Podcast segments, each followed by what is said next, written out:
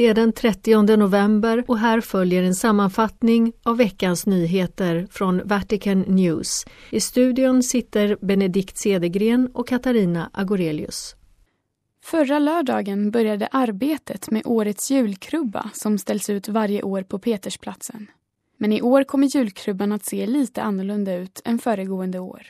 Istället för de traditionella statyerna kommer scenen att skulpteras i sand. Det var påven Johannes Paulus II som 1982 tog initiativ till en julkrubba på Petersplatsen. Något som blivit en tradition där man årligen försöker återskapa den historiska miljön vid Jesu födelse. Den 17 november började fyra konstnärer att tillverka julkrubban på Petersplatsen. Konstnärerna, som kommer från Holland, Ryssland, Tjeckien och USA, arbetar med nästan 1300 kubikmeter sand, vilket motsvarar cirka 700 ton.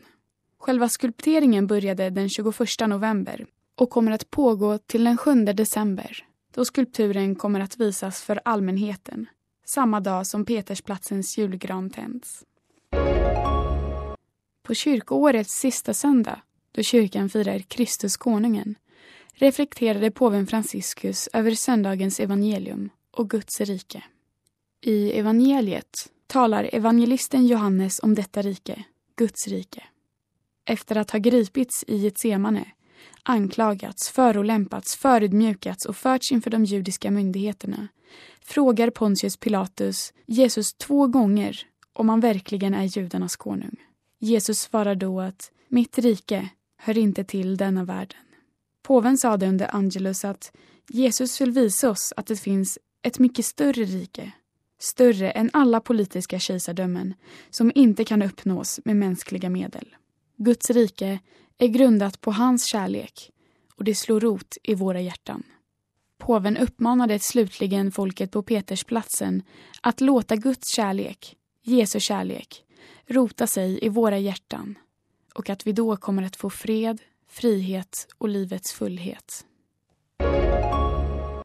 Under onsdagens audiens och påvens sista katekes om de tio budorden uppmuntrade han folket att se på de tio budorden som en guide till ett autentiskt liv som uppfylls av kärleken, glädjen och friden född i lydnad till Faderns vilja, snarare än en regelbok. Påven Franciscus menade att de tio budorden inbjuder oss till att ingå i ett trofast och kärleksfullt förhållande med Gud, vår Fader till att förkasta falska idoler som förslavar oss och till att finna autentisk vila i Kristus och den helige Andes frihet. Budorden lär oss hur vi ska leva våra liv som frälsta, menade påven. Liv märkta med trohet, integritet och ärlighet mot vår nästa. Under sin predikan i Sankta Marta uppmuntrade påven Franciscus oss i tisdags till att göra en samvetsrannsakan och reflektera över hur vi vill möta Herren när det blir vår tid att träffa honom.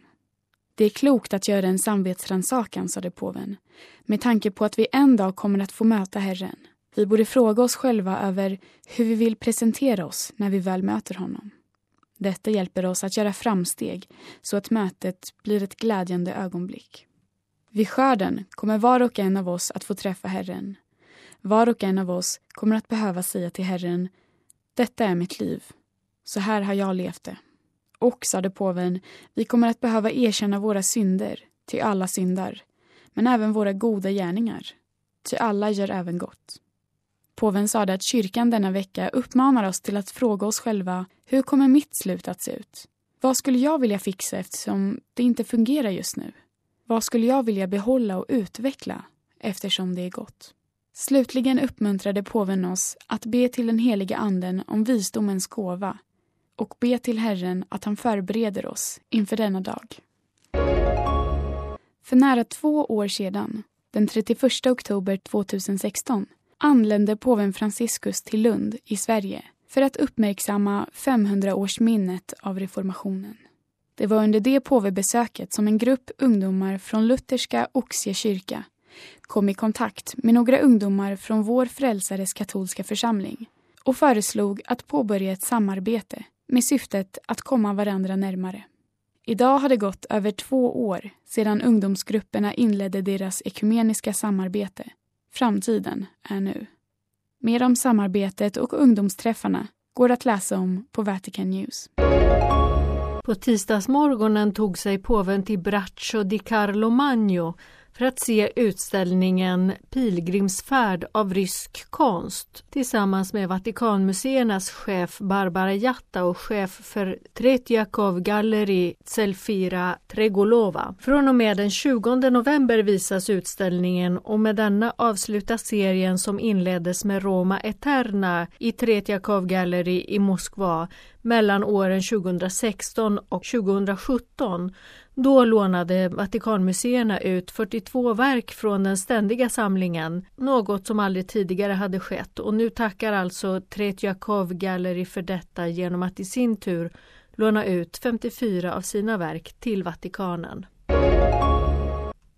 Påven Franciscus har sänt ett brev till franciskanfäderna Hanna och Luai vid kustodiet i det heliga landet och han tackar dem för att ha lämnat sina vittnesbörd om situationen i Syrien. Påven skriver Sånt lidande, sån fattigdom och sån smärta hos Jesus som lider, som är fattig och som är bortjagad från sitt hemland. Det är Jesus. Detta är ett mysterium. Detta är vårt kristna mysterium. I er och i det älskade Syriens invånare ser vi lidande Jesus. Inget mer än martyriet kan markera den kristnas sätt att delta i mänsklighetens frälsningshistoria. Martyrerna för vidare Guds rike, sår kristna för framtiden och är kyrkans sanna ära och vårt hopp. Ett sådant vittnesbörd är också en varning att inte gå vilse mitt i stormen. Ofta stormar livets hav, men från de existentiella vågorna kommer oväntade frälsningstecken till oss. Maria, Guds moder, ser tyst och stum sin oskyldiga son korsfästas som fyller upp livets mening och folkets frälsning. Påven påminde om Paulus ord i Romarbrevet. Vem kan då skilja oss från Kristi kärlek? Nöd eller ångest, förföljelse eller svält? Nakenhet, fara eller svärd? Det står ju skrivet För din skull lider vi dödens kval dagen lång. Vi har räknats som slaktfår. Nej, över allt detta triumferar vi genom honom som har visat oss sin kärlek. Vid slutet av den allmänna audiensen den 28 november i Paulus den sjättes audienshall gick en liten argentinsk pojke oplanerat upp på scenen till påven för att hälsa och leka.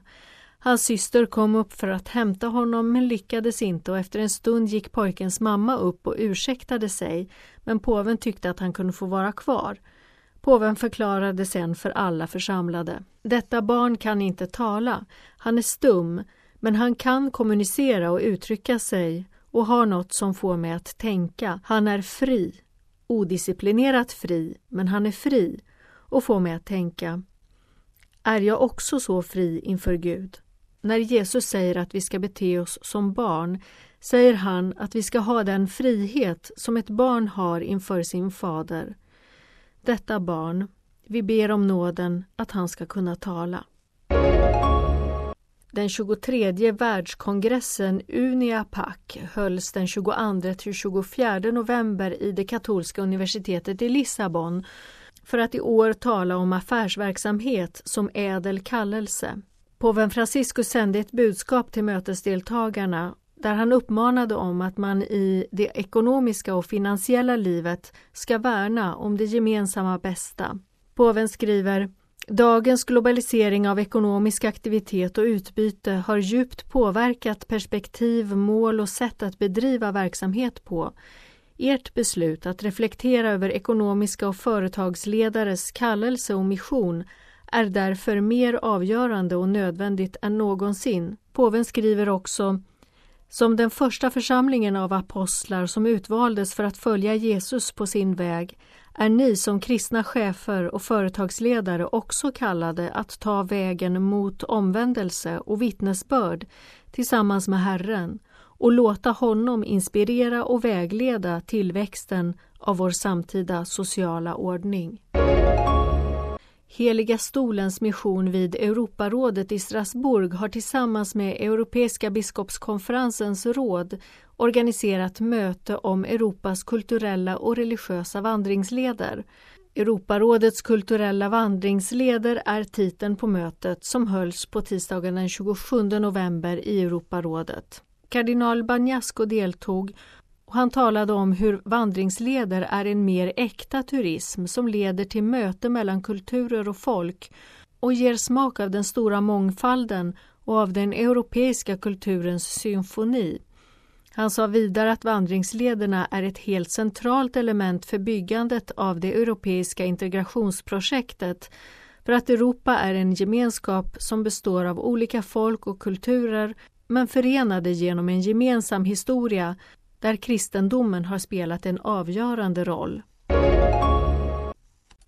I Regiasalen i Vatikanen tog påven Franciscus emot deltagarna vid den första internationella konferensen för rektorer och de som verkar vid helgedomar som hölls den 27 till 29 november på temat Sanktuariet, en öppen port för den nya evangelisationen. Påven konstaterade att dessa platser skiner av folklig fromhet och att man där upplever att barmhärtigheten är gränslös.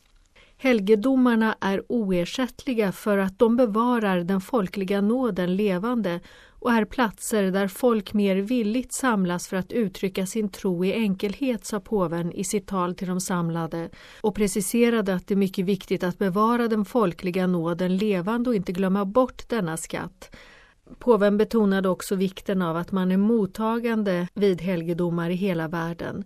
Det får inte hända att man ger mer uppmärksamhet åt materiella och finansiella behov och glömmer bort att den viktigaste frågan är pilgrimerna.